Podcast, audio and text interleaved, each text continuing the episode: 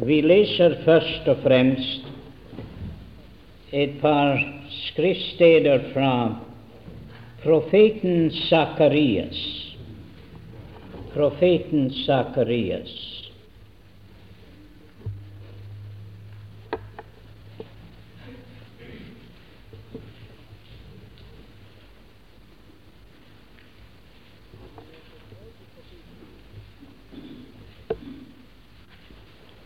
Og det er det tredje kapittel, kapittelet tre, profeten Sakarias.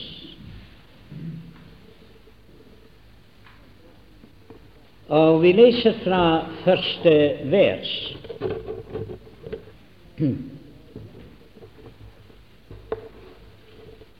Så lot han meg se Josva, ypperste presten, som stod for Herrens engels åsyn og Satan stod ved hans høyre side for å anklage ham. Men Herren sa til Satan, Herren refser deg, Satan. Herren refser deg.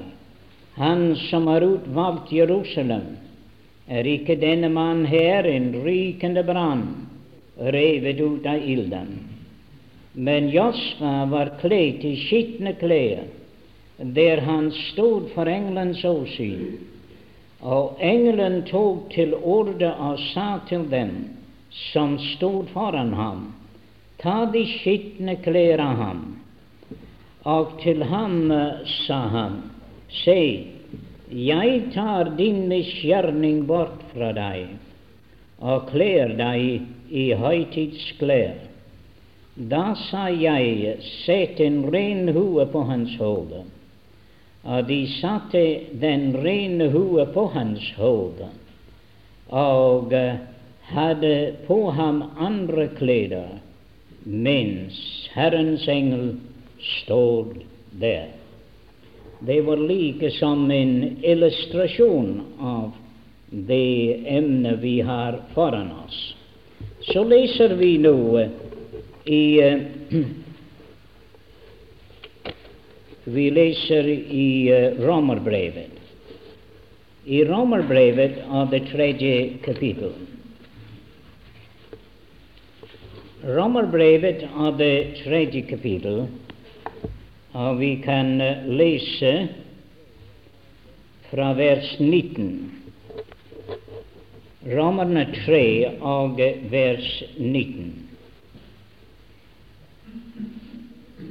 Men vi vet at alt det som loven sier, det taler den til dem som har loven, for at hver munn skal lukkes og hele verden blir skyldig for Gud, siden intet kjøtt blir rettferdiggjort for ham ved lovgjerninger. For ved loven kommer syndens erkjennelse. Men nå er Guds rettferdighet, som loven og profetene vitner om, åpenbart uten loven. Det vil si Guds rettferdighet ved troen på Jesus Kristus for alle, over alle som tror. For det er ingen forskjell. Alle har syndet og fattes Guds ære, og de blir rettferdiggjort uforskyldt av Hans nåde ved forløsningen i Kristus Jesus, som Gud stilte til skue i Hans blod som en nådestol ved troen, for å vise sin rettferdighet fordi Han i sin langmodighet hadde båret over med de synder som før var gjort, for å vise sin rettferdighet i den tid som nå er, så han kunne være rettferdig og gjøre den rettferdig som har troen på Jesus. Hvor er så vår rås? Den er utelukket. Ved hvilken lov? Gjerningenes? Nei, ved troens lov. For vi holder på at mennesket blir rettferdiggjort ved troen uten lovgjerninger. Nå les i kapittelet fire. Og vi kan lese fra vers 22. Derfor ble det også regnet ham til rettferdighet, det vil si Abraham. Men ikke bare for hans skyld er det skrevet at det ble tilregnet ham, men også for vår skyld, som det vil bli tilregnet, vi som tror på Ham som oppvakte Jesus vår Herre fra det døde. Han som ble gitt for våre overtredelser og oppreist til vår rettferdiggjørelse. Da vi nå altså er rettferdiggjort av troen, har vi fred med Gud ved vår Herre Jesus Kristus. Nå leser vi et par vers i kapitlet åtte. Kapitlet åtte, Romerbrevet 8, og så leser vi der i det første vers til eksempel. Så er det da ingen fordømmelse for dem som er i Kristus Jesus. For livets ånds lov har i Kristus Jesus frigjort meg fra syndens og dødens lov. Og vers 28. Og vi vet at alle ting tjener dem til gode som elsker Gud, som efter Hans råd er kalt. For dem som Han forutkjente, dem har Han også forutbestemt til å bli likedannet med Hans sønns bilde, for at han skulle være den førstefødte blant mange brødre. Og dem som han har forutbestemte, dem har han også kalt. Og dem som han kalte, dem har han også rettferdiggjort. Og dem som han rettferdiggjorde, dem har han også herliggjort. Hva skal vi da si til dette? Det er Gud for oss. Hvem er da imot oss? Han som ikke sparte sin egen sønn, men gav ham for oss alle. Hvorledes skal han kunne annet enn gi oss alle ting med ham. Hvem vil anklage Guds utvalgte? Gud er den som rettferdiggjør. Hvem er den som fordømmer? Kristus er den som er død, ja, hva mer er, som også er oppstanden, og, og også er oppstanden, som også er ved Guds høyre hånd, som også går i forbønn for oss. Hvem vil skille oss fra Kristi kjærlighet? Trengsel eller angst eller forfølgelse eller hunger eller nakenhet eller fare eller sverd? For skrevet er For din skyld drepes vi hele dagen.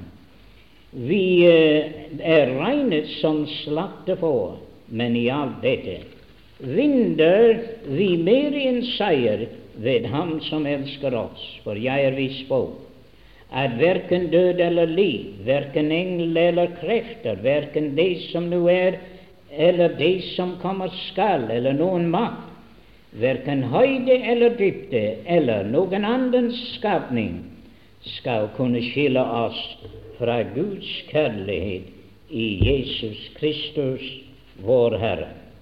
Nå eh, må Herren da velsigne for oss lesningen av sitt dyrebare ord.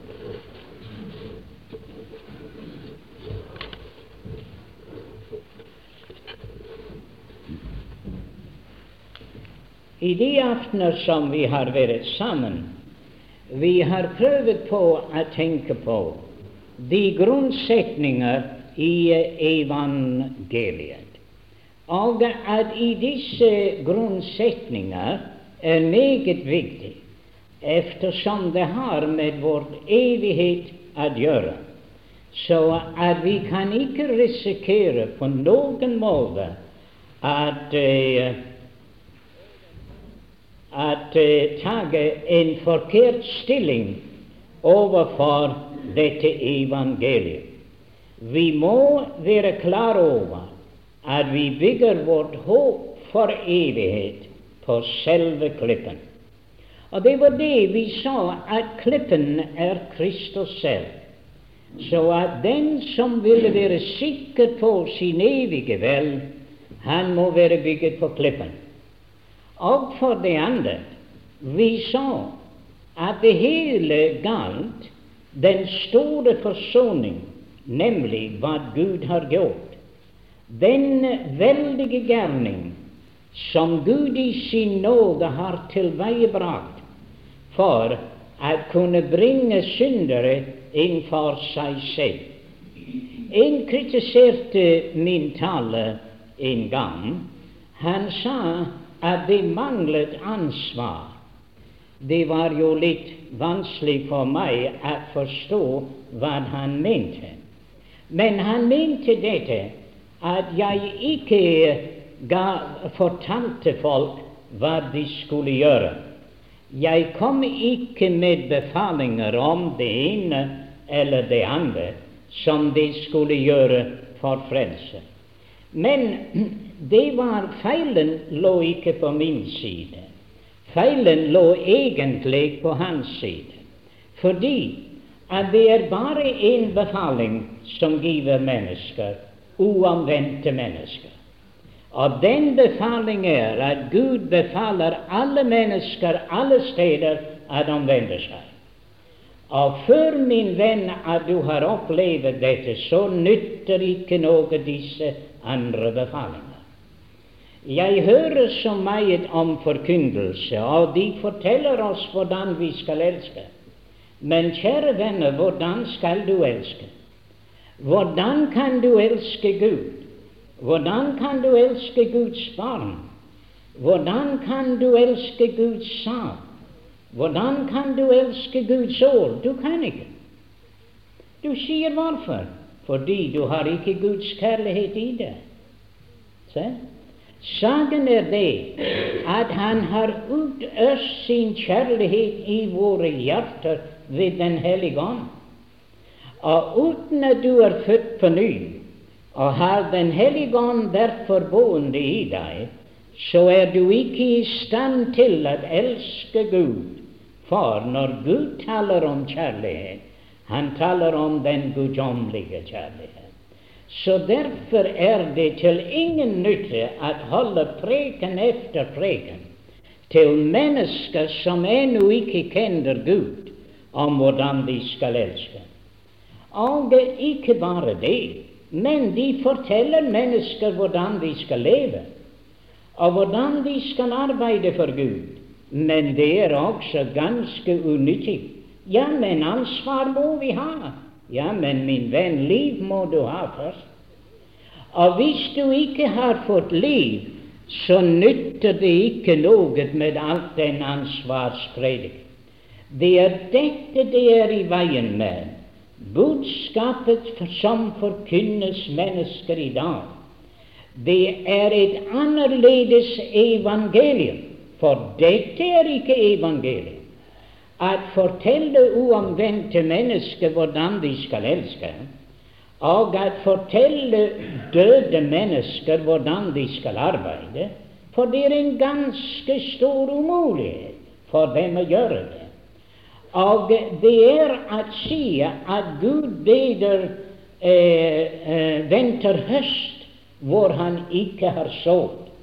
Nei, Gud sår først, og så venter han en høst fra der hvor det er sådd. Så derfor Feilen lå ikke på min side, men det lå på mannens side. For mitt budskap var nemlig dette ikke hva du skal gjøre, men min budskap er hva Gud har gjort, og det er en helt annen sak. Og jeg er mer overbevist om det enn noensinne at opp, min oppgave er å forkynne hva Gud har gjort, ikke å forkynne hva du skal gjøre. For er det noen som er hjelpeløse, og uten noen kraft, og skrøpelige, som Romerbrevet sier, ja, så er det vi mennesker. Og derfor må vi ha noen der kan noe, og den der kan alt, han er Gud. Så min venn, derfor er det at de, min, pre, min prediken går ut på dette at minne mennesker om hva Gud har gjort, og hva Gud kan gjøre for eneste mennesker der vil komme til ham. Det er jo dette da at vi så at den store forsoning, den stillet Guds vrede og gjorde Gud i stand til å komme ut til oss mennesker og kunne frelse oss. Også dette at på forsoningens grunnlag at vi mennesker som var på avstand for Gud, vi er blevet forlikt med Hans Sønns død. Og dette er så stort at blive brakt i samfunn med Gud, og at det er en fredsforhold. Og dette er evangeliet. Evangeliet er ikke at du skal gjøre noe for å bli forlikt med Gud, men Gud har grunnlagt forlikelsens gjerning, og han beder oss si til deg, la deg forlikes med Gud. Kom som du er, og bli forlikt med Gud, ikke på grunnlag av hva du skal gjøre for ham, men på grunnlag av at forlikelsens gjerning er gjort på Golgatas kors i Jesu Kristi dyrebare blod. Vi så også at forlatelse, syndernes forlatelse, at det var en nådig gjerning fra Gud, og at Han vil tilgive deg alle dine synder fordi den som bar dine synder på Golgates kors, han sier til deg, dine synder er deg forlatt. Hva er det å gjøre der? Det er ikke annet enn å si ham takk. Og det er ditt ansvar, min venn, er å ta imot syndernes forlatelse fra Jesus Kristus, for han alene kan forlate deg alle dine synder. Så det er et herlig evangelium. Men så kommer vi til å se at de velsignelser er ikke bare at man har et fast grunnvalg, og at man har forlikelse og syndernes forlatelse, men det er noe som heter rettferdiggjørelse. Og dette er jeg forferdelig glad for at det lar dere se hvordan et menneske kan være stillet innenfor Gud. Noen sier dette at uh, man kan ikke vite man, uh, hvordan man står innenfor Gud før den store dommedag. Du må vente til den store dommedag, og da skal vi få vite. Men hvorfor sier han at de er allerede fordømt som ikke tror på Guds sønn. Hvorfor sier han det? Han forteller deg allerede at du er fordømt. Nå, sier du. Jeg trodde jeg skulle vente til den store dommedag. Nei, nei, det behøver du ikke. Du kan vite her og nå at Guds vrede blir over deg dersom du ikke tror på Guds sønn. Men på den andre side, du kan også tro, du kan også vite hvordan det står til med deg, om du har troet på Guds sønn. For han sier 'den som tror på Sønnen, han har evig liv'. Ja, men den store dommedag er ikke kommet, nei. Men den som tror på Guds sønn, han har evig liv. Og ikke bare det, men Guds ord allerede viser oss at mennesker står for dem. Romerbrevet er hva vi kaller en virkelig stor rettssak. Det er en veldig, og det er den største rettssak det har vært. Og det herlige ved det er det det er så meget bedre enn den store dommedag. Du sier hvorfor? Fordi i den dommedag i Romerbrevet det er en mulighet for frelse. Men i den store dommedag er det ingen mulighet for frelse. Se, i Romerbrevet er det en trone hvor dommeren sitter. Og i åpenbaring er det en trone hvor dommeren sitter. Men i Romerbrevet er det denne forskjell. Det er en nådestol. Der i domssalen er det en nådestol. Men ved den store dommedag er det ingen nådestol. Du leser ikke om en eneste der bliver frelst på den store dommedag. For det er det døde det er der. Så? Det er dem der ikke har taget imot. Det er dem hvis navn ikke er skrevet i livsens bok. Og derfor er det de er dømt til evig fortapelse. Så min venn, saken er jo den hvis du venter til den store dommedag, for å få dette spørsmålet avgjort, så er det for sent. Og så er det intet håp for deg. Men saken kan bli ordnet i aften, for dommeren er her, nådestolen er her. Alt er i orden for at du kan stå der og se deg selv dømt og du kan stå der og se deg selv rettferdiggjort. Tenk på Josfa der. Han stod innenfor dommeren, og anklageren, Satan, var ved hans side. Og i virkeligheten der var tre til stede der. Englene nevnes, men det var tre store figurer der. Det var Gud, det var Josva, og det var anklageren. Det var jo en veldig sak. Det var jo føreren, lederen, den beste mann som var i Israel. Det var Josfa, ypperste presten. Nå, sier du, hva vil dette si? Jo, Josfa, ypperste presten, han skulle være en representant for hele Israel. Se? Og hva Gud vil gjøre for ypperste presten, så vil han gjøre for hele Israel. Men saken var den det var Gud og Josva og Satan. Nå, her i aften alle disse tre er til stede. Gud er til stede her i aften. Du er til stede og det gjelder deg. Satan er til stede. Og hvordan skal det gå? Tror du han kan anklage deg?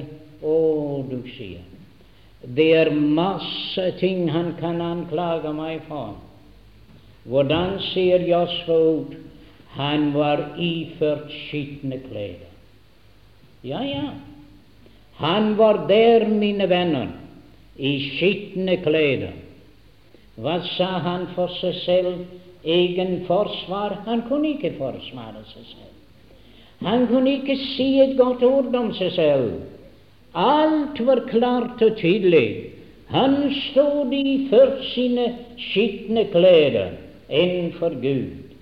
Og det står at alt er åpen og baret for den Gud som vi har å gjøre med.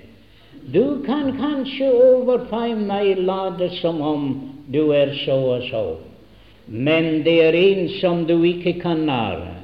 Du kan ikke nære Gud. Han vet, min venn, hvordan du er. Og han har det alt sammen fremfor ham. Du står som en synder i Guds nærværelse. Tenk, min venn, kledd i skitne klær.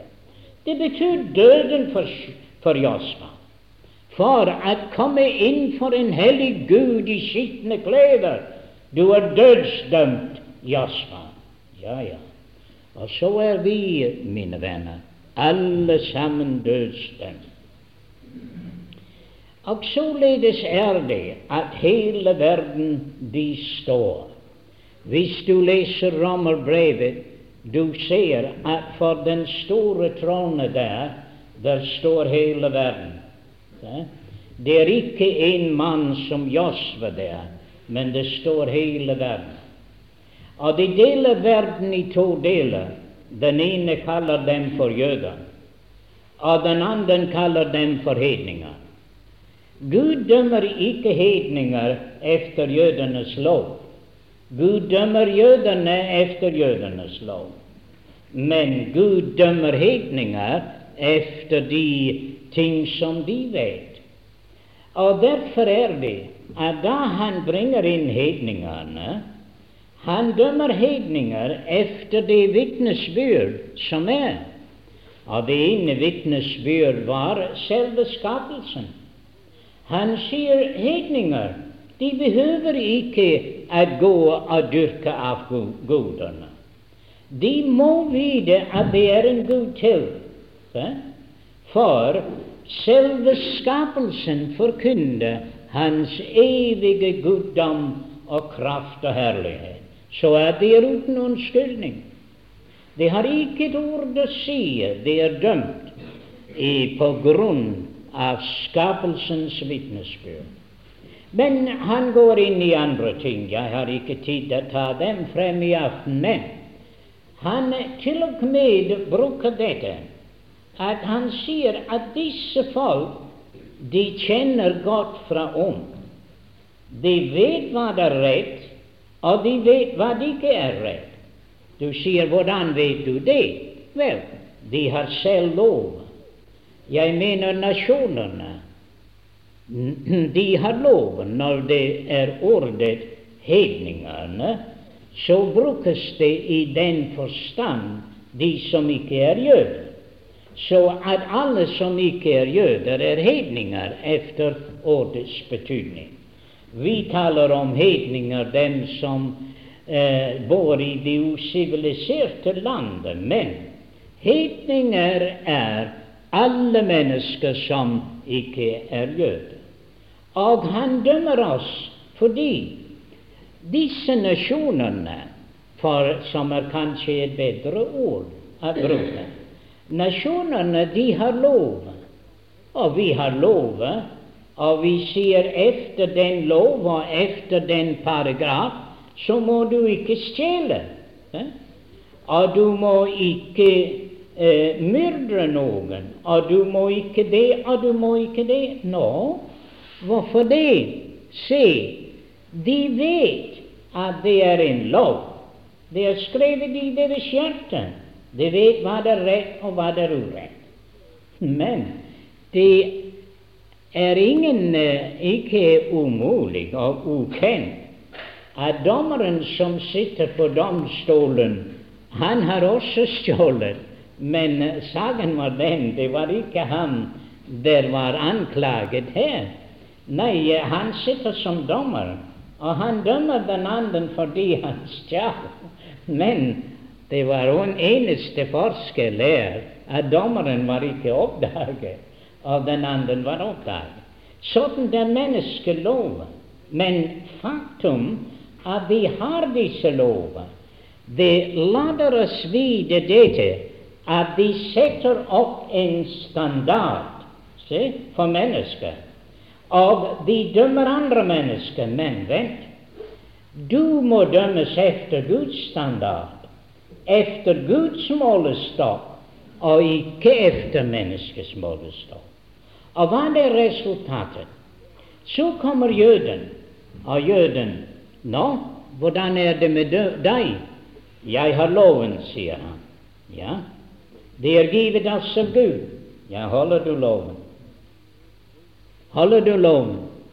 Den som støtter an i et bud, han er skyldig i alle og så ramler det hele for ham. Han gjør sin rås i loven, men hva hjelper det at du roser deg av loven. Jeg bare kjenner en mann der holdt loven. Og det var Jesus selv. Han er den som elsket Gud av hele sitt hjerte, sjel og sinn, og sin neste som seg selv. Han og ingen andre. Så da jøden står der, han roser seg av, av loven, men loven dømmer jøden. Og mennesket egne lover dømmer mennesker. Det hele står innenfor Gud, og det står at hele verden er skyldig innenfor Gud. Og han sier ikke bare det, men hver munn er lukket. Du kan ikke si et ord i selvforsvar. Det store domstolsdag er kommet. Og du og jeg står innenfor Gud skyldig og dømt til evig undergang. Og med en lukket munn vi kan ikke si et ord i selvforsvar. Ja, du sier jeg betaler hver sitt, som om dette hadde noe med saken å gjøre. Og jeg gjør mange gode gjerninger som de hadde med no saken å gjøre. Men saken er den du har syndet mot den hellige Gud. Og du og jeg er dømt og dømt til evig undergang. Så hele verden er skyldigen for Gud. Han har ført deg og meg inn for domstolen. Han har ført vitner inn imot oss. Anklageren har anklaget oss, og hver eneste ting er slått fast, og det er ikke en skygge av tvil at den som står innenfor Gud, han står der fordømt. Min venn, du er dømt til døden, og dømt til evig undergang, alle sammen, håpløst fordømt. Ja, du sier dette var ikke noe herlig evangelium. Nei, men hva er evangeliet? Evangeliet med Guds budskap for hvem? For fordømte syndere. Ja, hvis du er ikke en fordømt synder, så behøver du ikke. Hva nytter det at noen får et et eh, pardon, eller at en får en frifinnelse når man er jo skyldig. Nei, kjære venner, det er dette. Du er dømt, men så er det nåde. og det er dette som Gud ville lade deg vite. Og for at fordømte syndere kunne blive rettferdiggjort, da må det skje noe. Hva måtte skje? Da står det der i Romerbrevet at han stiller Jesus Kristus frem som en nådestål i hans blod, så at Gud kunne være rettferdig og rettferdiggjøre den som er fordømt. Det kan de ikke gjøre her, rettferdiggjøre et menneske som er skyldig.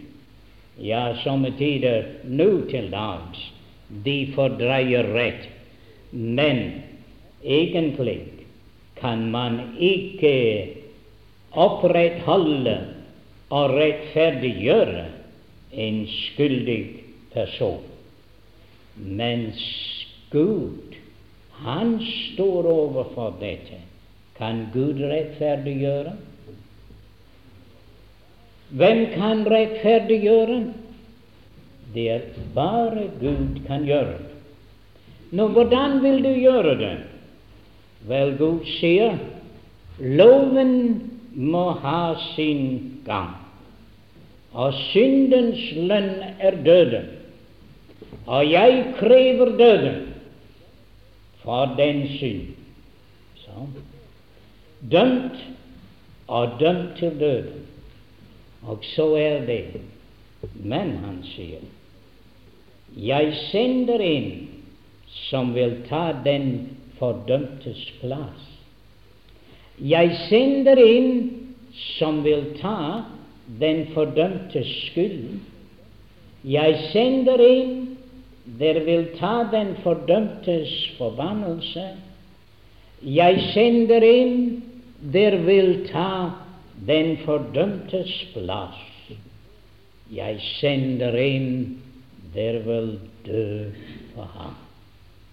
Ah, mine venner, da er saken annerledes.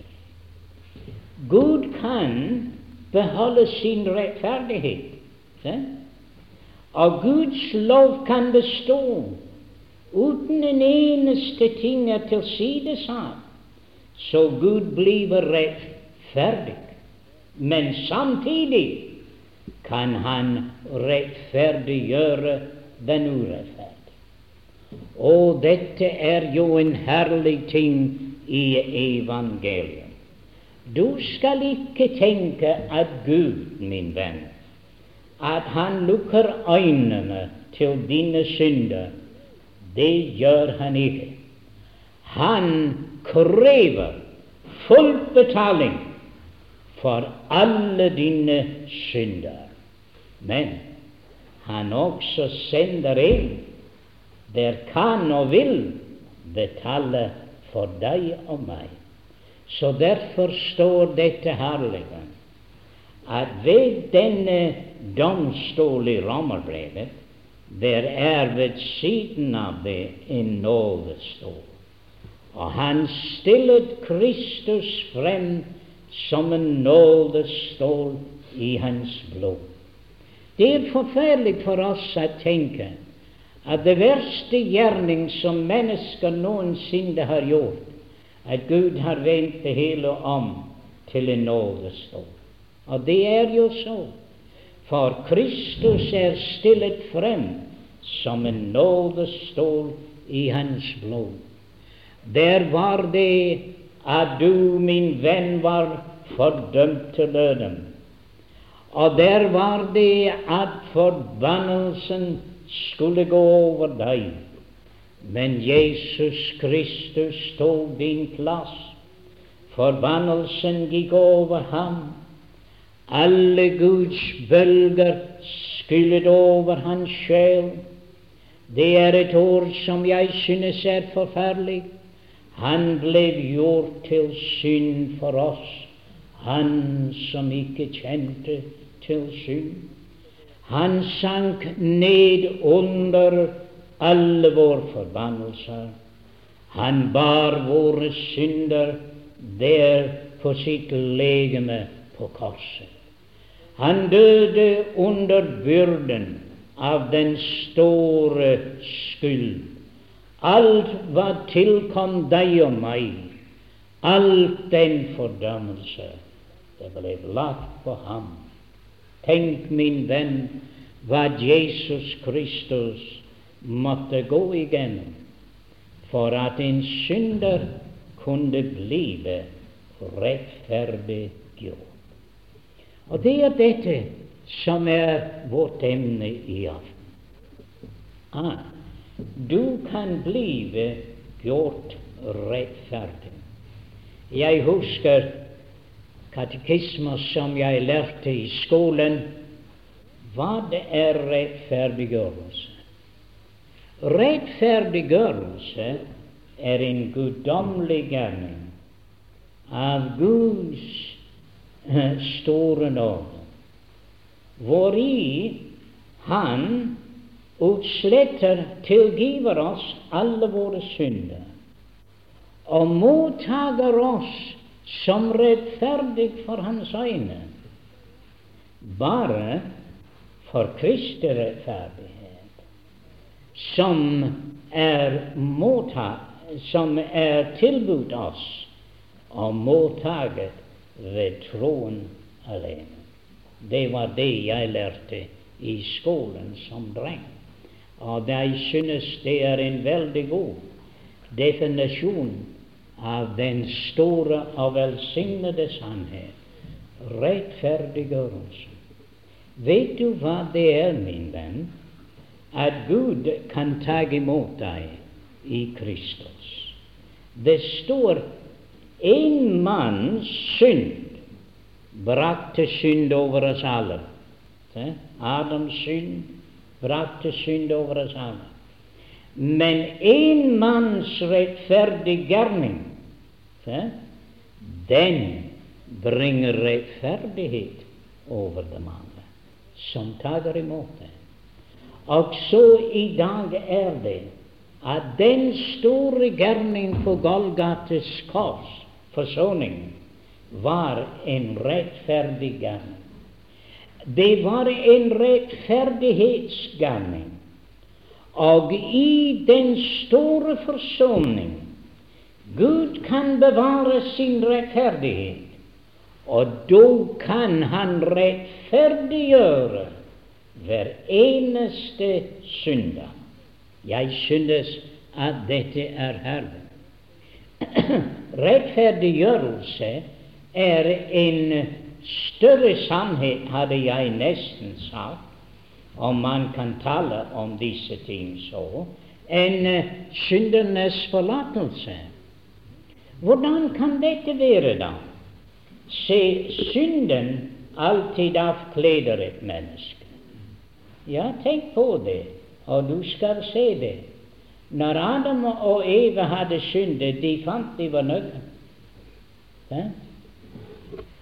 Og da var det at Gud måtte komme til. Blodet må blive utgitt, og da blir de eh, iført skinnkåper. Ja, ja.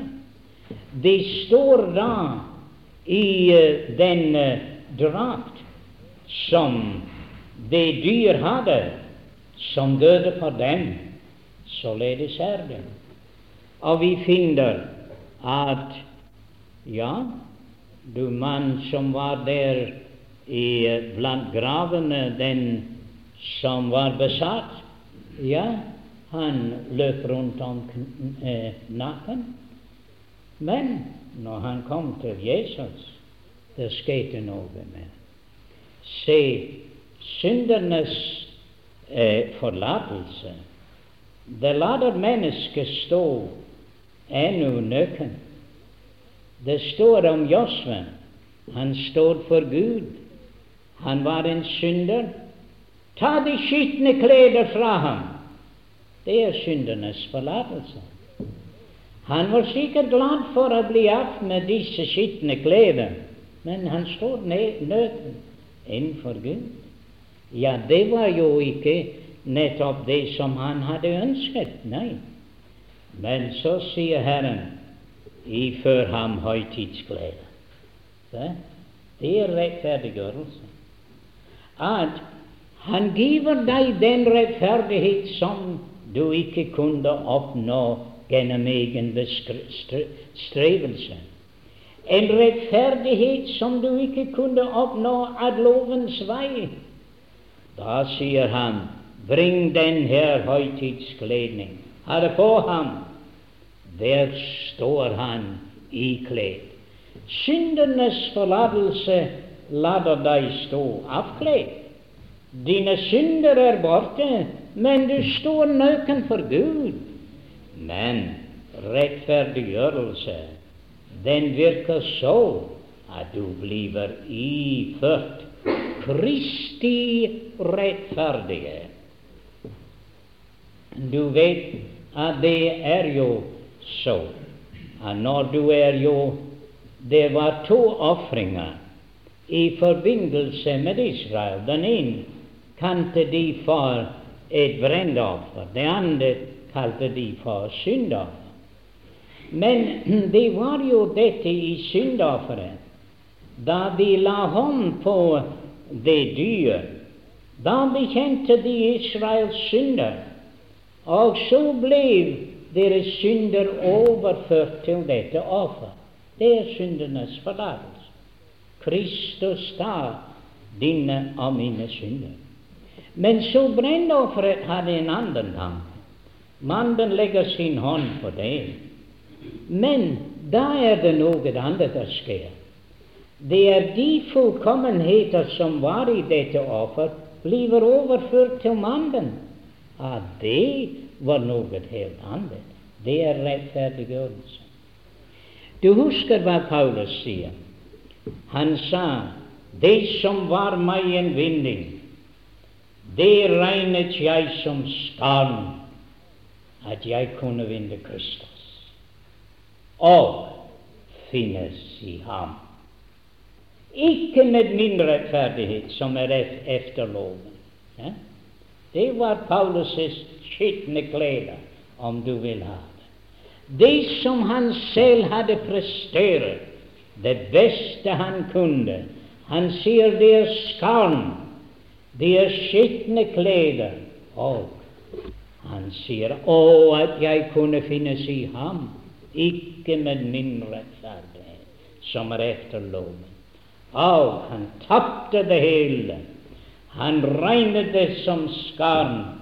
men at jeg kunne finnes i ham med hans rettferdighet, den rettferdighet ved troen på Jesus. Se, min venn, det er to slags rettferdighet.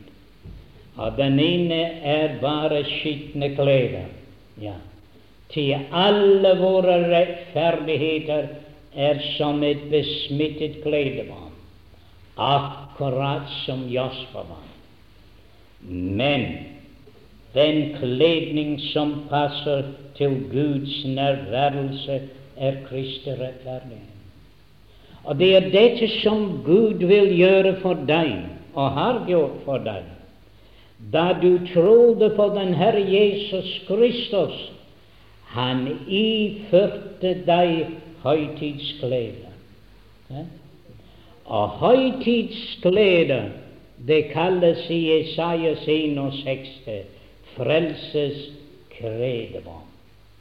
Rettferdighetens kappe. Det er bryllupskledning, min venn, om du vil ha det. Det er den kledning som gjør deg passet for himmelen.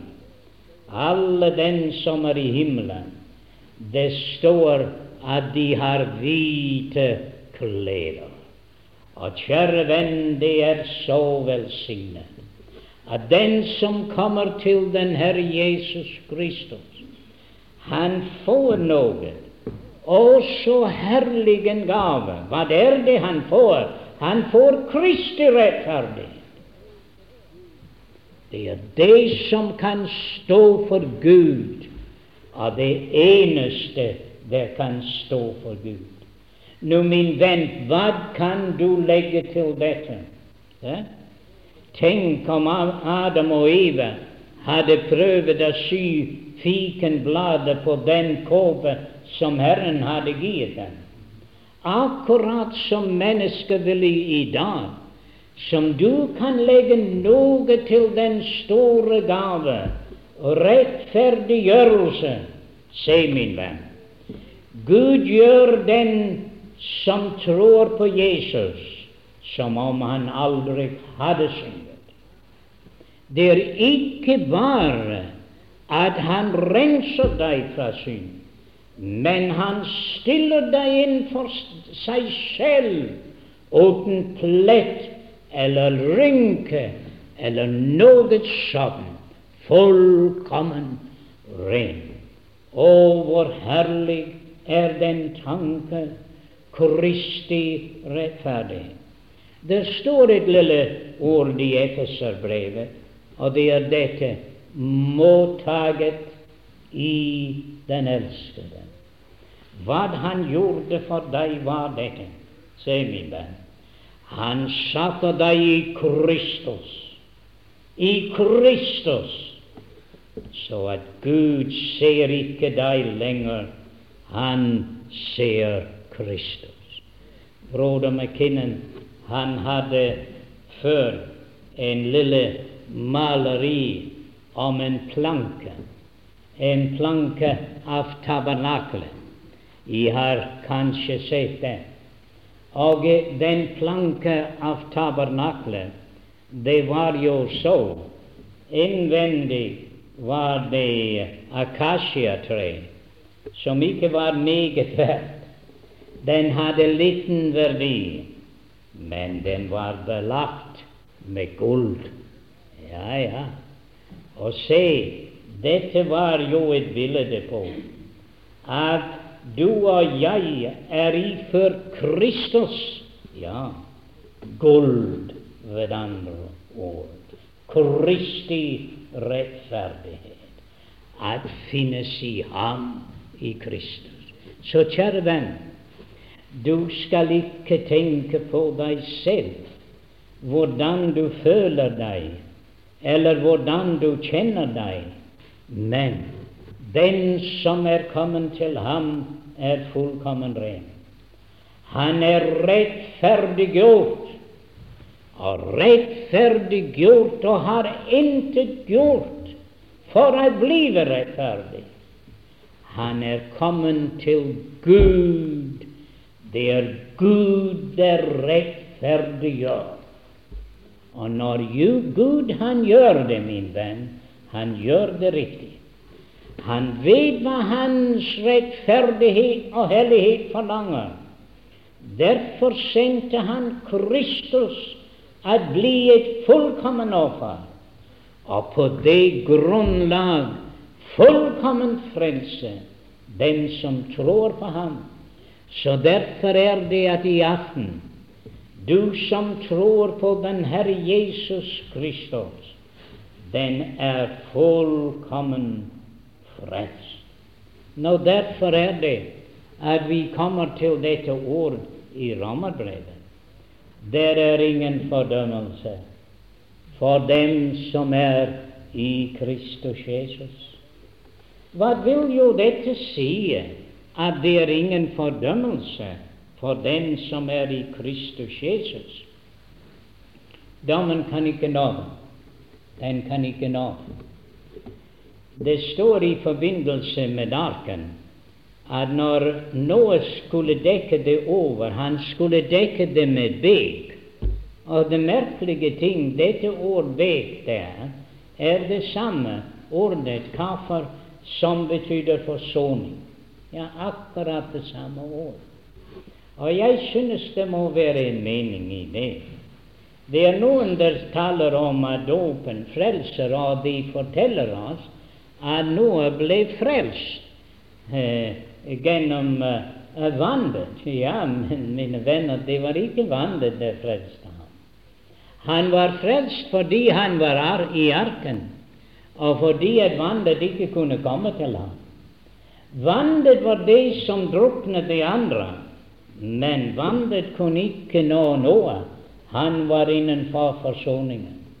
Og kjære venner, det er ingen fordømmelse for dem som er i Kristus Jesus. Til dommen kan ikke nå deg. Dommen skal aldri falle to ganger på det samme sted. Nei, det falt på Kristus. Og du og jeg er i Kristus, og dommen kan ikke nå oss. Det er ingen fordømmelse for dem som er i Kristus Jesus. Og derfor sier han av dem som han har kalt, dem har han også rettferdiggjort. Og de er rettferdiggjort ved troen på Jesus. Abraham trodde Gud, og det ble regnet ham til rettferdighet. Og du tror på Gud, og det regnet deg til rettferdighet. Derfor sier han da vi nå er rettferdiggjort, da har vi fred med Gud, og Gud regner deg rettferdig. Du sier meg, en ståten stakkars synder som meg, ja, deg og meg. Han regner meg rettferdig, men bare for Kristi rettferdig ikke for noe som jeg har gjort eller kunne gjøre. Du det er et helt annet evangelium. De andre forteller oss hva vi skal gjøre. Ja, men det er et annerledes evangelium. Vi forkynner hva Gud gjør for deg, så? ikke hva du gjør for deg selv, for du kan ingenting gjøre for deg selv. Den store forsoningsgjerning Gud sier til deg, hold hånden fra. En full mann, han sa til meg en gang, vil du bede til Gud om å hjelpe meg? Nei, det vil jeg ikke, sa jeg. Nå, ikke det. Nei, det vil jeg ikke. Men jeg vil bede Gud om å frelse deg og gjøre det hele for deg. Ja, mine venner, Gud hjelper oss ikke. Gud frelser oss. Og det er dette som er evangeliet. Ikke at Gud vil hjelpe deg å frelse deg selv, men Gud vil frelse deg helt og holdent han vil skjenke deg syndenes forlatelse av nåde, uforskyldte nåde. Han vil iføre deg Kristus, og dem som han kalte ved evangeliet, dem har han også rettferdiggjort.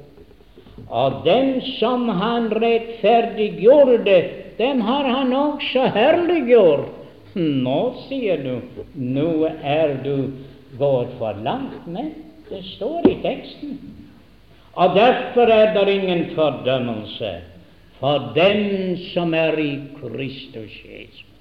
Kjære venner, og som han sier, hvem skal anklage Guds utvalgte? Hvem kan anklage meg? Ingen kan. Når Gud har rettferdiggjort meg, hvem skal så anklage meg?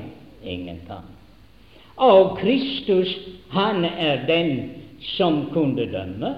Han er all verdens dømme, dommer.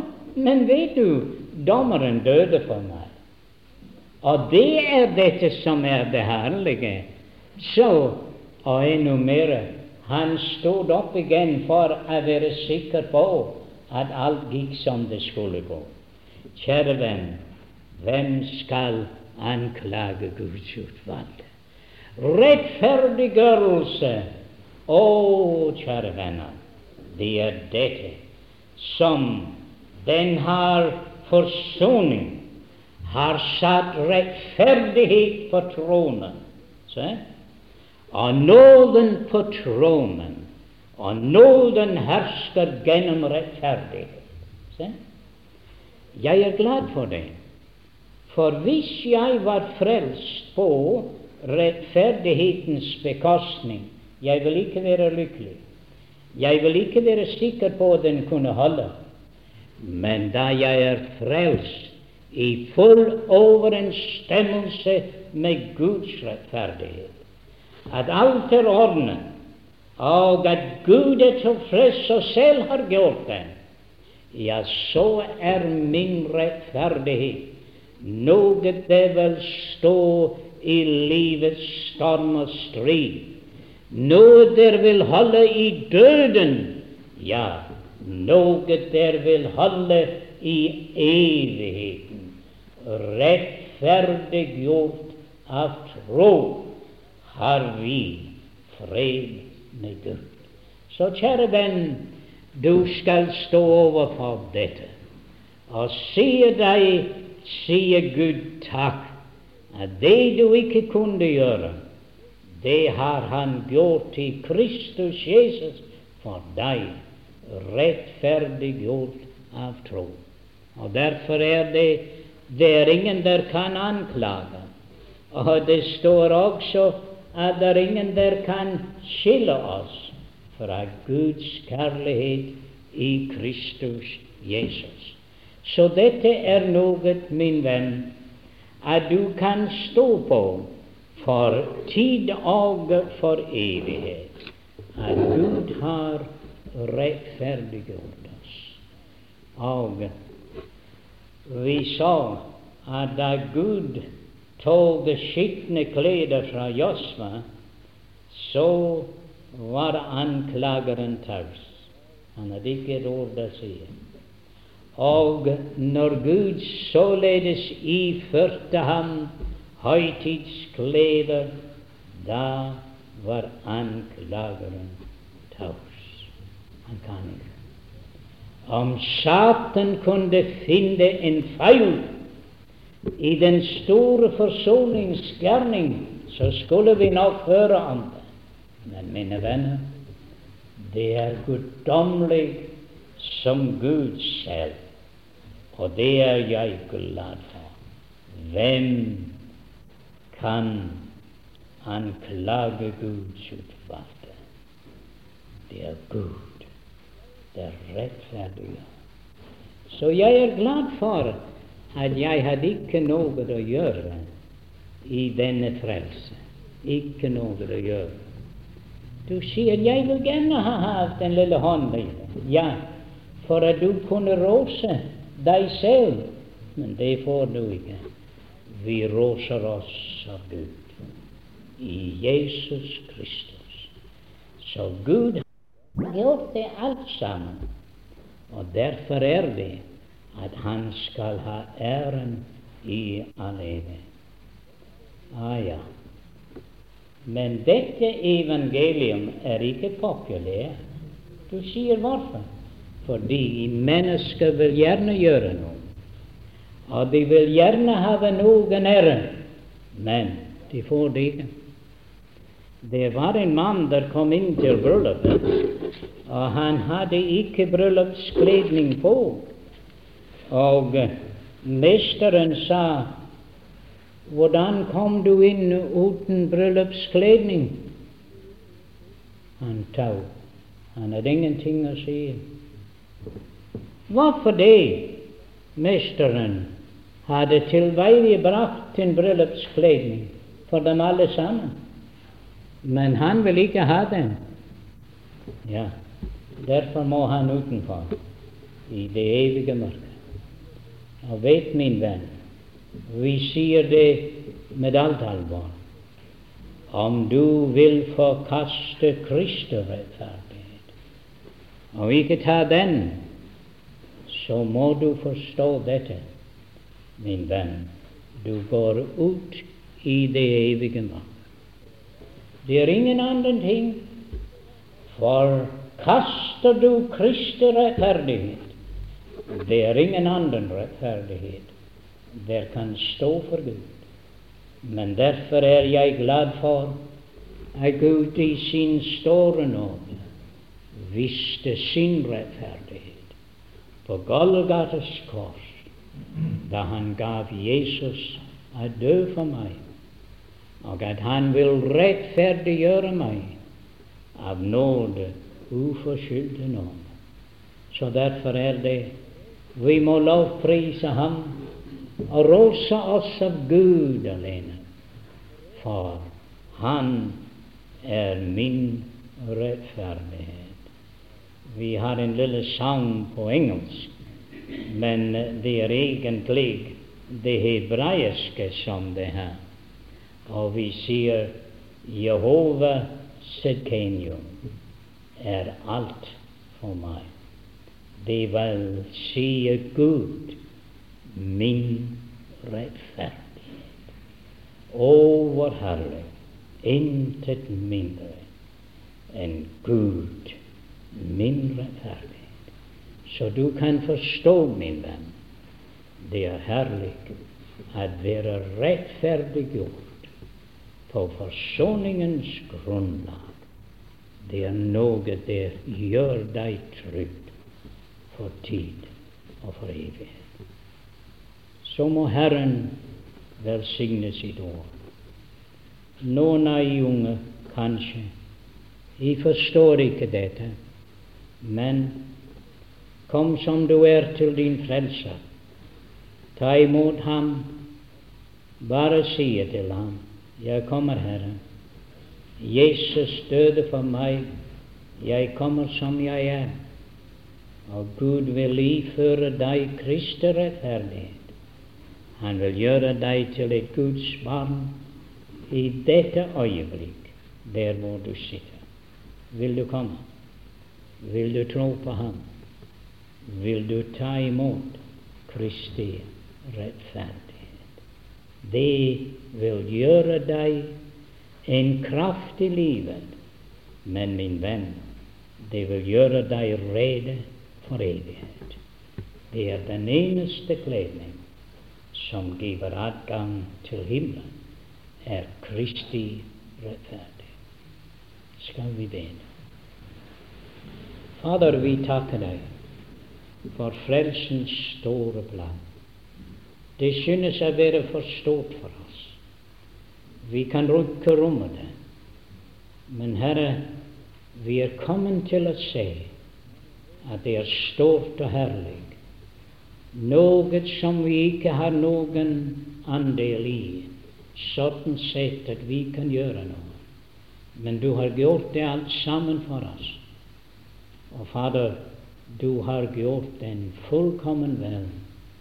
Så her er vi, stakkars fortapte, fordømte syndere. Intet i oss selv der kan anbefale oss til deg. Men vi kommer til deg, å Gud, i Jesu navn. Vi kommer til deg på forsoningens grunnlag. Og vi sier deg takk, Fader, for at du ifører oss Kristi rettferdighet av nåde, uforskyldte nåde. Din skal være æren nå og i all evighet. Velsign ditt ord for hvert hjerte, så at vi må fryde oss og glede oss at du er rettferdig, og at du har rettferdiggjort oss ved troen av nåde, uforskyldte nåde. Så velsign ditt ord, Fader, i vår Herres Jesu navn.